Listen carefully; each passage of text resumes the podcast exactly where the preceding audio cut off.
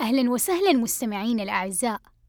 أتناقشنا في الجزء الأول من حلقة مكتب من الصفر عن مكتب الأستاذ فراس طرابلسي. كيف أفتتح مكتبه؟ وكيف قرر يخرج من وظيفته الروتينية؟ نكمل معكم الجزء الثاني. آملين أن يحوز على إعجابكم.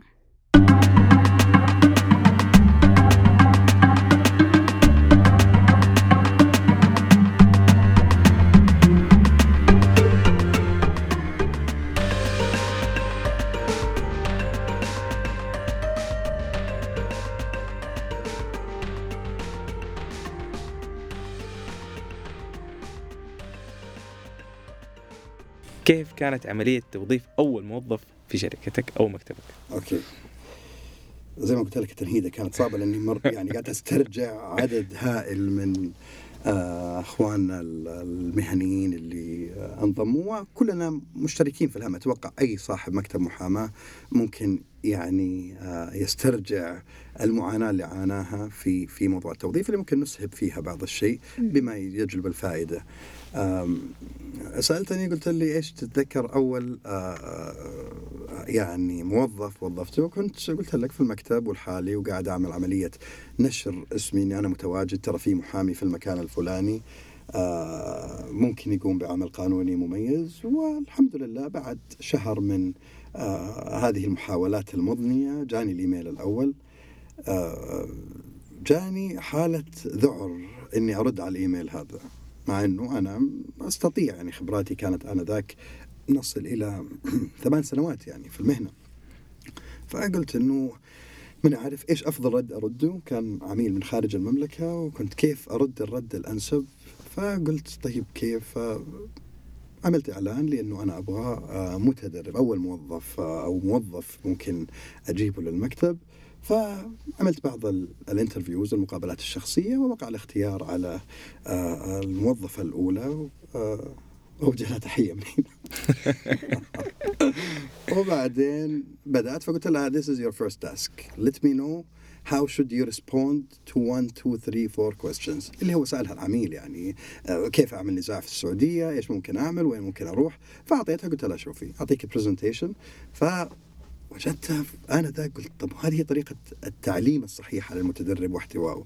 في task عندك هذه هي الآلية اللي لازم. في أقل من عشر دقائق شرحت لها إيش ال task إيش لازم تجاوب إيش لازم ترد. now يلا تو- ابدأي وقومي بالعمل.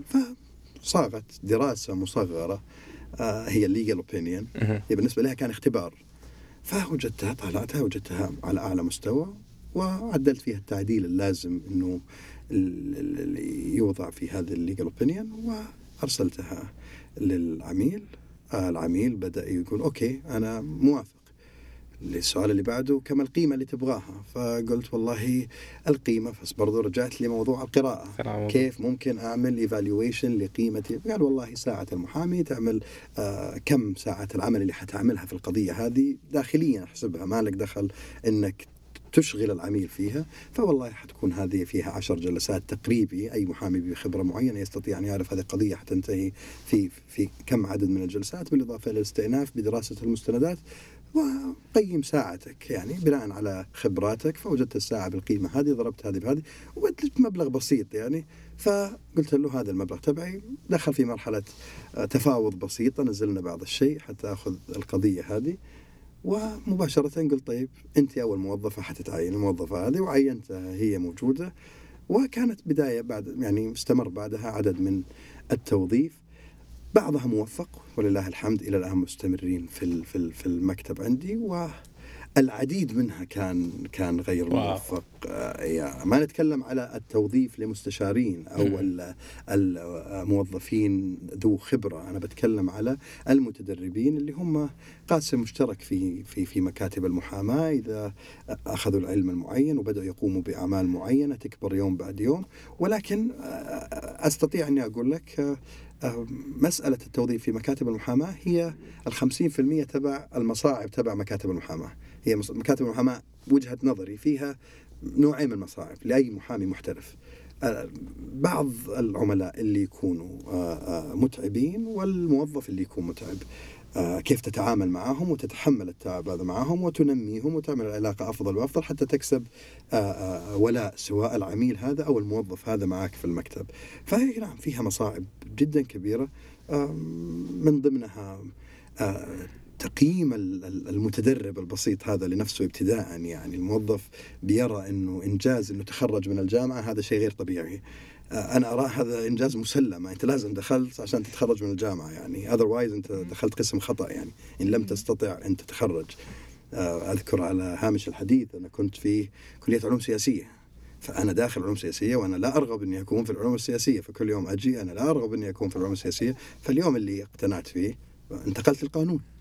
ولكن على طول مباشرة تخرجت. فالموظف ما هو إنجاز كبير جدا مجرد تخرجك. لا أنت فتحت الباب تنطلق لعالم كبير. أنت انتهيت من مرحلة الآن بدأت مرحلة, مرحلة, مرحلة. جديدة تماما. انتقلت للمرحله الحقيقية في حياتك إنك تبدأ. فلازم تكون واقف وعارف المرحلة اللي أنت فيها وقيمتك فيها إيش. يعني لمجرد إنه أنا okay شوف تعطي indication جدا عالي إنك متخرج ب 4.95 ولا ما أعرف الآن إيش صاير ال GPA في من أربعة ولا من خمسة ولكن آه nice okay fine هذه تعطي دليل إنك بتذاكر كويس ولكن ملتزم في الوقت ملتزم مجتهد. يعني okay ليكن. بعدين إيش اللي حتقدم لي إياه في المكتب؟ يبدأ عاد آه، يقعد على الأرض يقول لك طب ليه؟ وأنا مفروض مني في هذه الفترة أقدم؟ حلوين. احفظ الجملة هذه. أنت زي ما أنت ما هو مطلوب منك تقدم أنت فقط بتتلقى بتتلقى مكافأة معينة نظير العمل صغرت أو كبرت قلت أو كثرت ما في مشكلة. ولكنك في الأخير أنت بالنسبة لي في الفترة هذه غير مفيد. أنا اللي قاعد أحاول بقدر المستطاع أستثمر فيك من وقتي ومن الأعمال القانونية اللي قد أحيل لك أجزاء منها حتى تستطيع على الأقل بعد السنة الأولى نبدأ نتحدث في كفاءتك كمحامي أو مستشار قانوني أو آه، خلاف ذلك. فأهم شيء في المتدرب لما يبدأ يدخل يعرف أولا يثق في هذا الشخص ويرى أنه مؤتمن عليه كلكم راع وكلكم مسؤول عن رعيته. ثق في الكلمة هذه وأنت داخل. طبعا قبلها لازم يكون في نوع من استقراء الأشخاص. أنت ما تدخل يدق باب أي مكتب محامي تقول يلا أنا جيت مكتب محامي. لا أنت بتعمل على الأقل due diligence يعني دراسة عن المكان اللي أنت رايح له. عشان ما تجي بعدين تصطدم والله رحت وتركني أعطاني بعض الملفات وأقرأها. أو إنه مجرد ما ما دخلني في أي شغلة أسويها لا افحص الأماكن اللي انت ترى نفسك جدير إنك تلتحق فيها. ولما تروح وتجد الفرصة إنك تلتحق فيها تنازل عن بعض المميزات اللي مفترض تكون لموظف. باعتبار إنك أنت مش you are يعني أنت أنت مش موظف. أنت متدرب. داخل بتقول بسم الله الرحمن الرحيم أبدأ step by step by step ولما تبدأ فيها آه طور نفسك ايميديتلي حتلاقي الطرف الآخر بينعكس عليه إيش اللي ممكن تقدم له إياه. من ناحية آه، إطاعة الأوامر الاستيعاب طريقة العمل. أنا أنصح دائما الموظفين أو المتدربين اللي يجوا في المكتب أقول لهم أول أسبوعين. لا لا تخاف إنك جالس تقول ما حد بيكلمني. أو ما حد بيعرض علي عمل أو ما حد بيطلبني في اجتماع. دورك في الأسبوعين هذول بالعين وبالإذن. تسمع إيش بيصير تسمع علو الصوت هنا في اجتماع معين تنظر إلى طريقة ملف بيسحب آه، تنظر إلى آه، آه، رد معين من محامي تسمع صوت الإيميلات اللي في المكتب كيف بترسل كيف بتستقبل بس تعرف تعيش الجو. تعرف الفايب زي ما يقولوا بس تعيش الجو هذا كله وبعدين شوي شوي حتبدأ تدخل. والله تكون في السي سي في بعض المراسلات الداخلية تعرف إيش ممكن. التطور الطبيعي للأشياء. تبدأ صغير وتصير كبير. هذه بالنسبة لي المتدرب يجب أن يعلم خلاص هو في البداية وضع الثقة الكاملة في هذا الشخص اخترت المكان الصحيح. آآ آآ ترى أنه والله السنة الأولى هذه حتكون مفصلية. وبعدها حي المحامي على عاتقه برضه يوضح للمتدرب هل هو لديه المميزات أو لديه الأدوات الداخلية أنه يكون محامي أو لا؟ لأنه مش كل شخص خريج قانون ينفع انك محامي. هذا اللي تكلمنا فيه في صحيح. البداية. مضبوط. إيش هو فن المحاماة؟ تنيب عن الغير ويكون عندك مشروعية. مشروعيتك إيش؟ مش الشهادة. خلينا نتفق على ذلك. صحيح. الشهاده آه، رجل بيحفظ كويس رجل والله محترم في الفصل ولا في القاعة ما بيتحرك بتضبط معاه بياخذ إحنا بنتكلم على مشروعيتك عندك الأدوات الفطرية اللي وهبك الله إياها إنك تكون محامي. تستطيع تسقط واقعة على قاعدة فقهية أو قانونية أو أو أو. فأنت تصير هنا محامي. تستطيع تقف أمام منصة قضاء وتتحدث بشيء صحيح تجذب فيه انتباه رجل متوسط بينك وبين خصم. وتذكر ما يفتح الله عليك ويكون شيء صحيح في يتخلل عن دراسة قضية ويتخلل عن آه، أخطاء تكون من الطرف الآخر وكيف تدخل أنت وتستفيد من هذه الأشياء حتى تكسب في الأخير القضية اللي أنت مقتنع فيها لازم تكون. فالمحامي يجب أن يعني يعي من دور المحامي اللي بيعين متدرب إنه يعرف من أول ثلاثة شهور. دائما أقول للمتدربين ترى الفيصل بيني وبينكم في هناك آه، يومان حنلتقي معاهم فيها في مناقشة دورك في المكتب. بعد الثلاثة شهور الأولى وبنهاية السنة الأولى. يعني بعد الثلاثة شهور الأولى بقعد عشان أقول أنت تنفع تكون موجود معايا أو لا. وحيكون طبعا في تقييم كامل ليش ما تنفع. وبعد السنة الأولى حتى نعرف إنه هل حنجدد مع بعض ولا لا. لأنه خلاص في التزام معين حتى لو لم يكن للمتدربين التزام أدبي إنه هذا موجود أعطي له كامل فرصته. فأنا أول شيء أعمل انترفيو أرى فيه واحد اثنين ثلاثة بعض الأشياء الأساسية لازم تكون موجودة ما لها دخل عاد بالعلم. ممكن يكون صفر ما طيب إيش هي هذه الأشياء يعني؟ عشان حتى المتدربين يقدروا يستفيدوا ويعرفوا. آه أنا أقول لك خلينا أول نفرق بين نوعين من المتدربين. متدربين الجامعات العريقة اللي عند الجامعات السعودية اللي هي الجامعات الحكومية زي جامعه الملك عبد العزيز الملك سعود الملك خالد وتفر كلها جامعات عريقة وكويسة جدا. والجامعات الخاصة آه اللي هي بي بي بتخرج لنا ال ال الخريجات اللي هم يعني درسوا باللغة الإنجليزية. هذا شيء وهذا شيء هذا شق وهذا شق. آه فيما يتعلق بالشق الأول خلينا الجامعات السعودية. هذول المتدرب فيهم آه آه له آه, آه، يعني درجات في التعليم.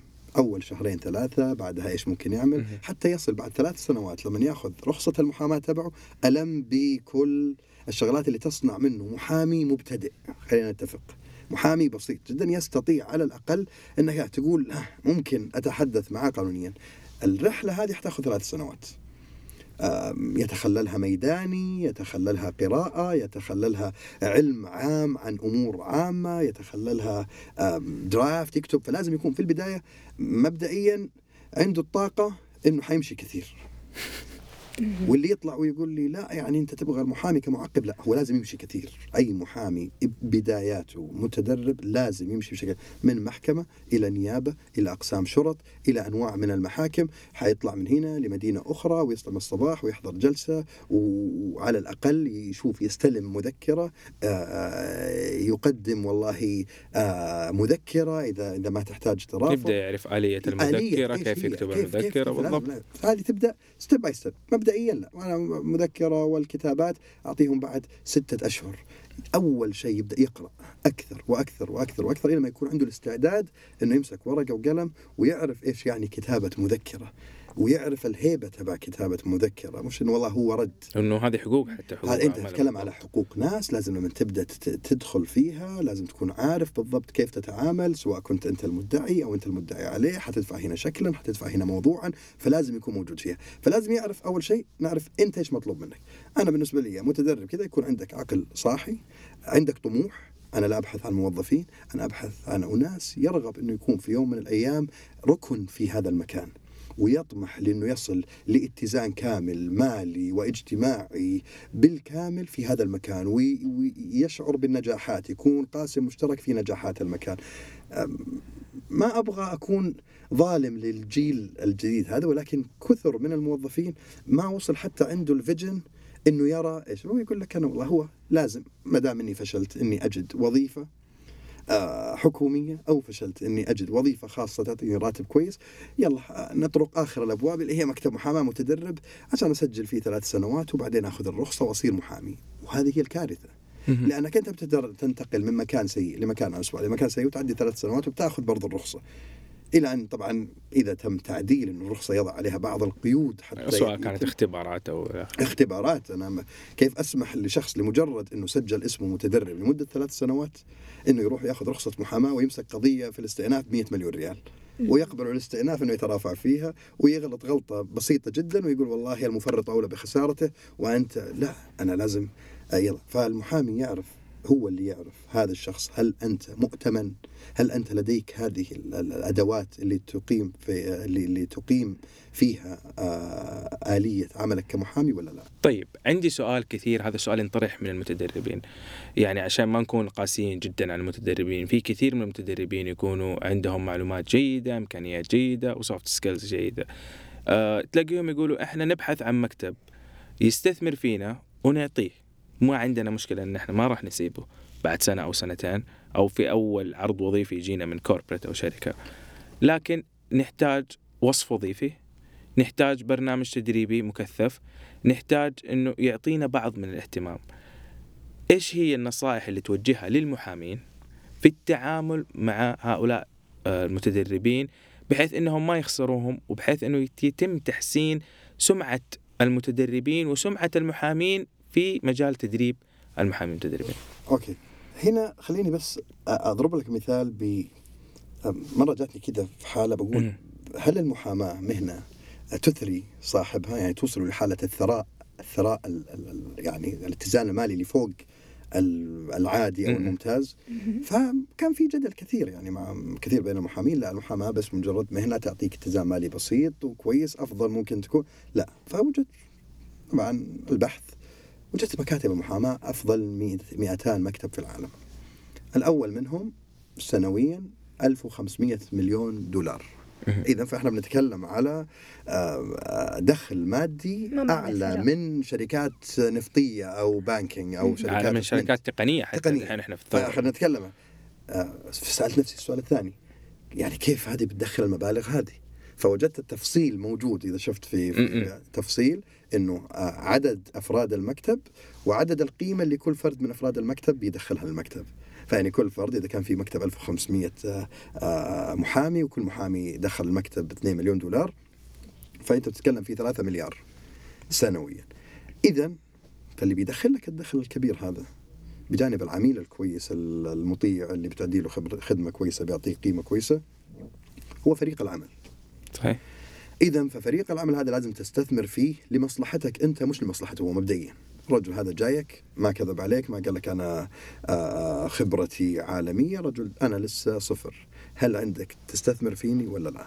تستثمر فيني مش شرط بالمال صحيح بالوقت على الأقل لما أجي أسألك سؤال وأنت في المكتب أعطيني دقيقتين من وقتك كيف ممكن أعمل الشيء هذا لأنك لما تستثمر فيه بعد سنة من الاستثمار فيه ممكن يستطيع يمسك عدد من القضايا البسيطة بقيمة أو أو أو ب- بقدر خبرته حتدخلك دخل مادي للمكتب.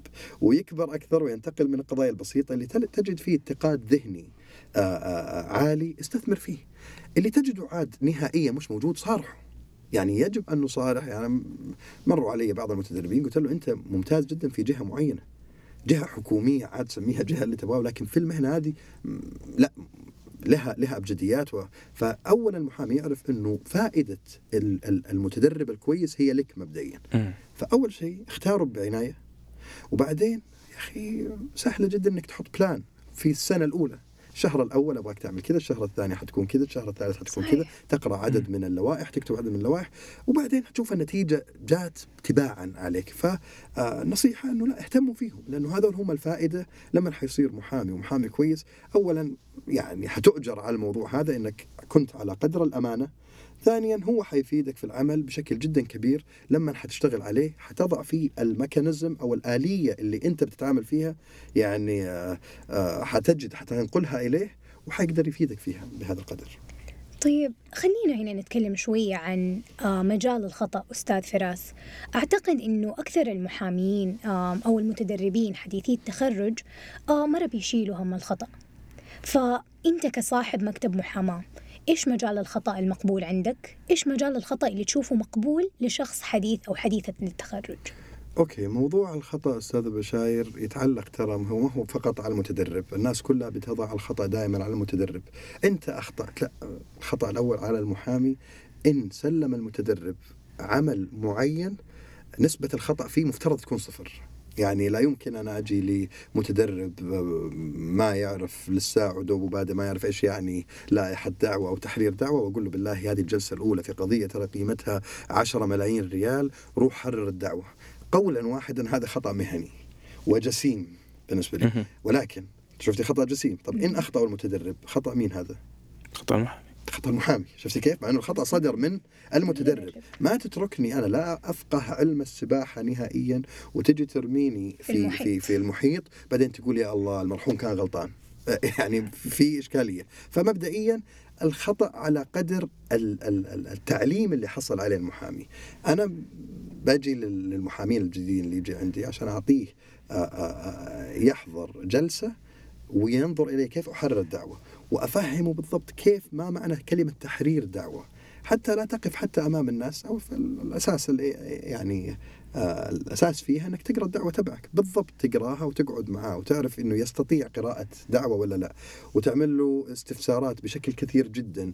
بعد على الأقل أنا وجهة نظري الشخصية سنة كاملة حتى يستطيع الشخص إنه يذهب لمحكمة ويحرر دعوه بشكل صحيح. ولكن طول السنة هذه المحامي يجب انه يكون تأكد 100% إنه مر المتدرب بكامل ال- ال- ال- المراحل التعليم الصحيحة.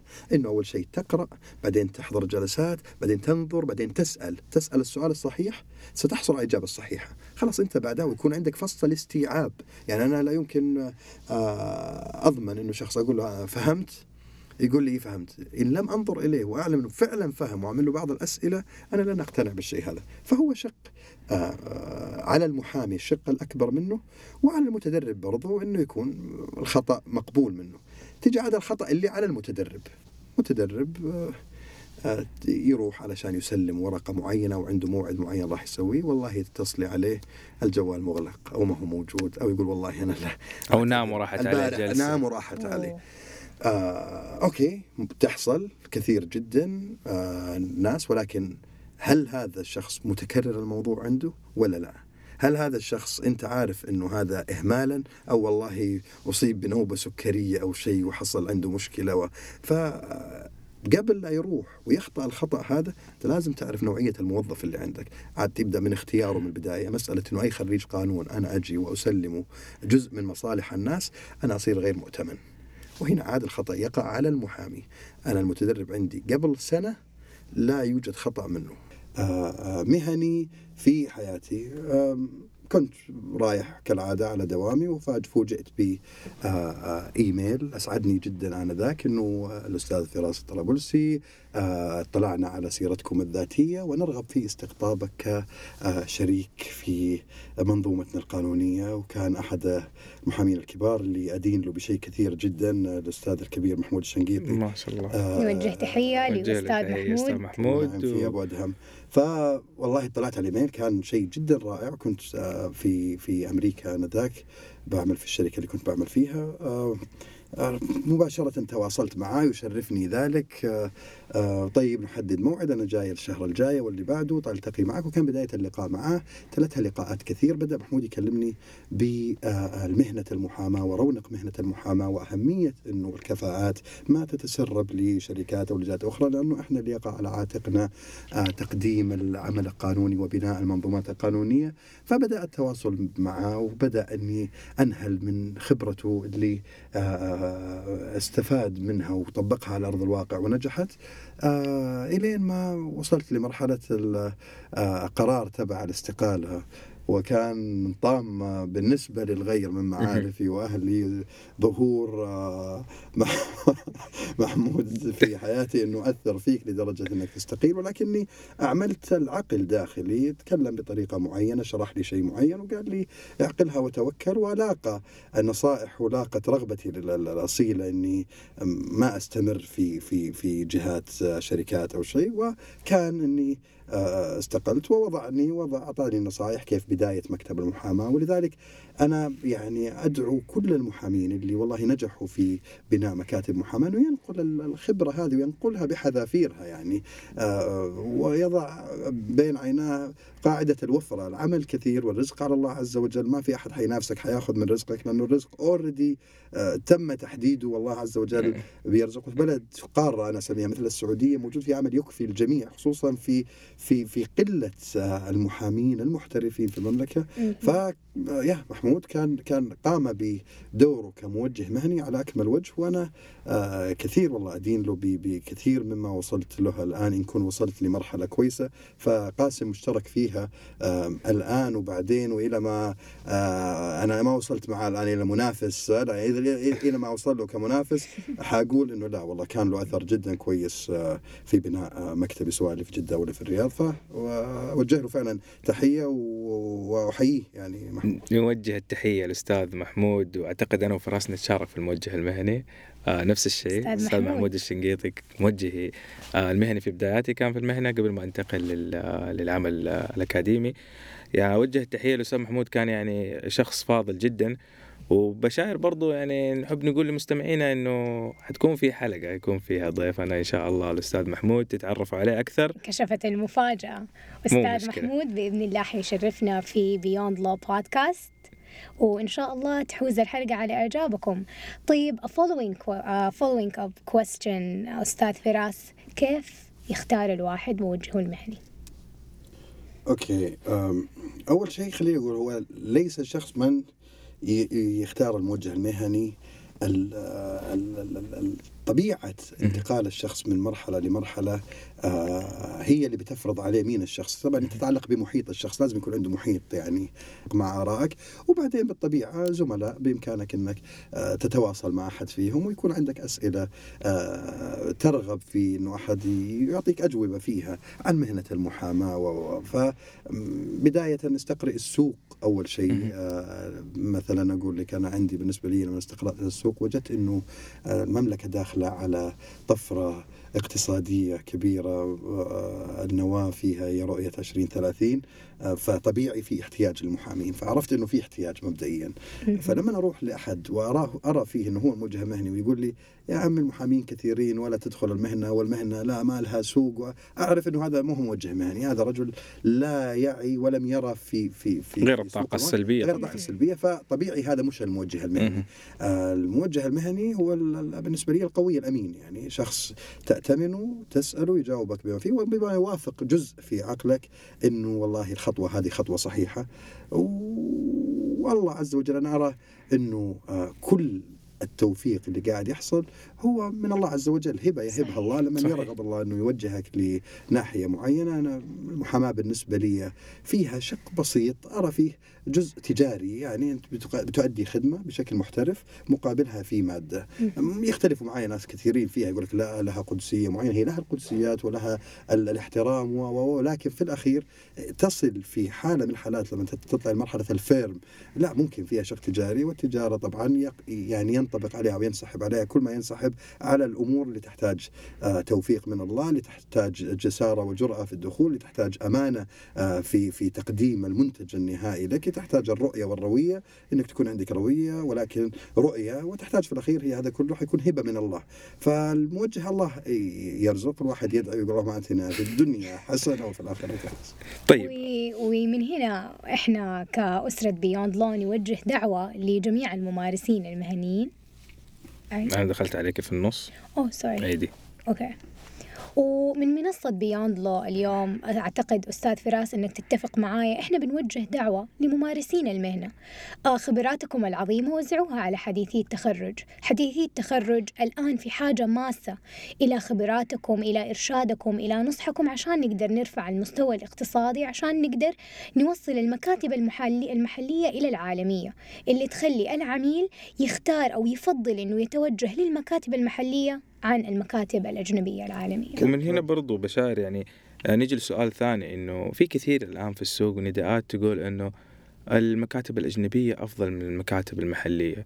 ما هم عارفين إنه في أشياء داخلية بتحديات وصعوبات بيواجهها المكتب المحلي؟ يعني أترك السفراس خليه يتكلم عنها.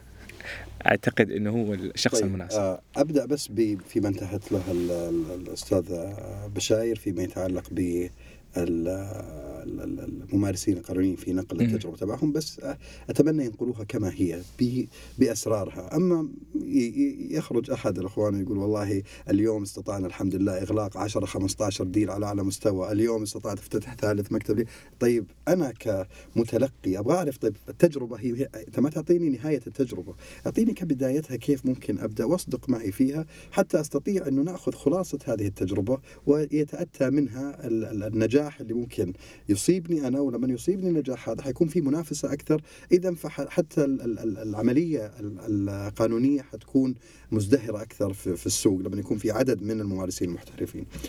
السؤال تبعك آه، قلت لك آه، آه يا نسهب فيه ولكن نحاول إنه يعني آه نحافظ بس على الفكرة ال- ال- العامة آه، في عدد من المكاتب اجنبيه المحلية المنافسة بينهم ظالمة للمكتب المحلي. ال- الأجنبي يا أخي عبد الرحمن فجأة بتلقاه دخل السوق. تصحى الصباح بتجد مكتب بلا بلا بلا. ال- الاسم الأجنبي موجود عريق جدا يحمل في طياته 40 50 موظف وخبرات مئات السنين. ودخل السوق السعودي وبكل يعني ثقة يقول لك أنا أطلب آخذ قطعة كبيرة من العمل القانوني في السعودية باعتبار إنه أنا المكتب الكبير هذا، طيب قبل هذا لازم نعرف أنت كيف دخلت السوق السعودي؟ خلونا نكون صريحين نواجه أنفسنا حتى يعني نطور من المهنة وهذا هو جل ما آه، يعني نصبو إليه أنه نطور مهنة المحاماة في السعودية بالأيدي المحلية أو بالممارس المهني المحلي، لأنه هذا هو اللي قلبه على المهنة، خلينا نجيبها كذا بال يعني زي ما يقولوا بالبلدي يعني هذا هو اللي قلبه. فلما يدخل المكتب الأجنبي وبدون ما يتقدم ب أو الحصول على الرخص اللازمة إما سجلات تجارية أو رخص استثمار أو تسجيل في زكاوي دخل أو تسجيل في تأمينات اجتماعية أو أو أو. هو بتكون فيه علاقة مهنية بينه وبين ممارس مهني سعودي آه ويبدأ يعمل يستفيد ال- ال- ال- ال- المكتب الأجنبي من الممارس السعودي إنه له تواجد في السوق السعودي. ويعطيه القبول في السوق السعودي. باعتبار إن اسمهم حيكون على اللوحة مع بعض. فاسمه مكتب فلان الفلاني. بالتعاون مع بالتعاون مع. بالتعاون مع طيب نثبت هنا. تدخل على موقع إلكتروني للش... لل... لل- للمكتب الأجنبي يقول لك مكتبنا في السعودية. لا مم. هنا أنت عاد تتكلم هل هو مكتبك في السعودية أو أنت متعاون فقط معه وكثير لو دخلتوا على اي يعني مكتب أجنبي حتجد هذه our office in Saudi Arabia versus حاطط على اللوحة in affiliation with uh, uh, a Saudi firm طيب هل هذه الطريقة صحيحة أو لا؟ تسألني وجهة نظري الشخصية. لا ما هي صحيحة. لأنه أنت بتوهم العميل أنه أنا عندي مكتب في السعودية، أنت لا تمتلك مكتب في السعودية باعتبار أنه أنا ما أعرف طبعا ما عندي المعلومة كم مكتب موجود داخل عن طريق الهيئة العامة للاستثمار. باعتبار هي البوابة لدخول أي منشأة أجن أجنبية. إنها ساقه سعودي يا Saudi Arabian Investment Authority فهل هذه هي البوابة لدخول الشركة الأجنبية؟ بشكل صحيح؟ مم. فلما تدخل عشرات المكاتب وتأخذ قسم كبير من العمل القانوني يتجاوز النصف بكثير يتجاوز السبعين في المية والمبالغ ثلاثة أرباع هذه. الكعكة اي وهذه خلينا نواجه أنفسنا إنه هذول المبلغ هذا ما بيكون أكيد لل- للشخص والشريك السعودي اللي موجود هنا هي آه، بتوزع. يعني بتوزع مؤكد بتوزع للي وقسم بيقوم أكبر الاكبر بيروح له. طيب هذه. هذه الأموال مش مفترض إنها تكون وطبعا من لن تخزن هنا في الأخير هي بتكون موجودة باعتبار إنها أموال للمكتب الأجنبي فما حتكون باعتبار المكتب الأجنبي إن لم يدخل بشكل صحيح فلا حساب بنكي له حسب اللي افهم وأنا البسيط. رؤيتي إلا أن يس يعني آه، يعدل لي المعلومة الشخص لكنه إن لم يدخل ومعاه سجل تجاري ورخصة حقيقية فلن يستطيع حسب ال banking rules إنه يفتتح حساب بنكي. ثاني شيء الخبرات اللي موجودة فيه. الخبرات اللي موجودة فيه خبرات تتعلق بكل موظفين المكتب الأجنبي في العالم. فيعني المكتب الأجنبي هذا إن ارتأى إنه موظفه اللي في في في المكان الفلاني قدير على القيام بهذا العمل في لحظة ممكن ياخذ آه، آه، فيزا زيارة ويأتي ويؤدي العمل هذا كزائر ويؤدي العمل هذا، هذه كلها شغلات أنا أرى إنه هذه منافية للتنافس ال- ال- الشريف، أو. المنافسه المتكافئ أنا كمكتب عندي كافة المعلومات وعندي كافة ال- الأدوات اللي أقوم فيها بعملي وأروح أقدم على جهة معينة وأقول أنا عندي الحماس الكبير إني أدي العمل على على أكثر وجه قدير. وافاجئ إنه يقول والله إحنا نتأسف إحنا من ضمن اشتراطاتنا إنه ليؤدي عملنا يكون يعني مكتب آه، له 70 سنة أو 80 سنة ويكون في له عدد من المحامين، طب تقول الشغلة هذه بسيطة ممكن أديها لك بفريق العمل هذا؟ يقول معذرة. طيب أوكي. تبي تدخل المكاتب الأجنبية؟ ككثير من الدول في في الشرق الأوسط أو في العالم العربي دخلهم بس اضمن أبناء المهنة المحليين إنه يستطيعوا أن يستفيدوا من وجود هذا المكتب الأجنبي، وضع القيود المناسبة إنك تستفيد من وجود المكتب الأجنبي.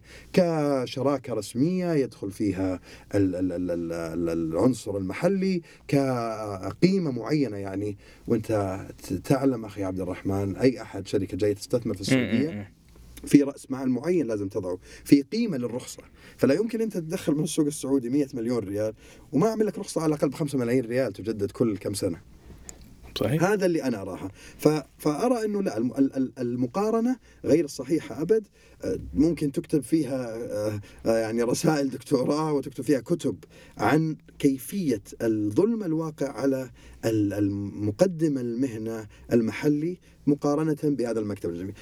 ليش إلى الآن لم يفتح هذا الملف؟ نتركه عاد لمن مختصين. الأمر. مختصين إنه يشوفوا عاد كيف. طيب شاهدنا نماذج بكل صراحة شاهدنا نماذج محلية من محامين بيحاولوا إنهم يبنوا نماذج محلية للمنافسة ومنافسة المكاتب آه، الأجنبية. وبعض النماذج نجحت في إنها تبدأ تنافس. هل مكتب الاستاذ فراس الطرابلسي يسعى إنه يبني نموذج محلي يوصل ينافس أو يصل لمرحلة ينافس بها المكاتب الأجنبية وإن شاء الله يتغلب عليها.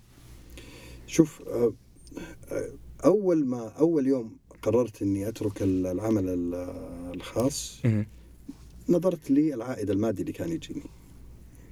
ولا نقوله يعني ولكن كان عائد مادي جدا مرتفع. آه فطلعت قلت طب انت إيش تبغى أكثر من كذا؟ انت طالع عندك اتزان مالي كامل. أنا وجدت إنه ما هو من العدل إنه الشخص آه ما يحاول ولو مرة واحدة في حياته يقود تحدي معين وينجح.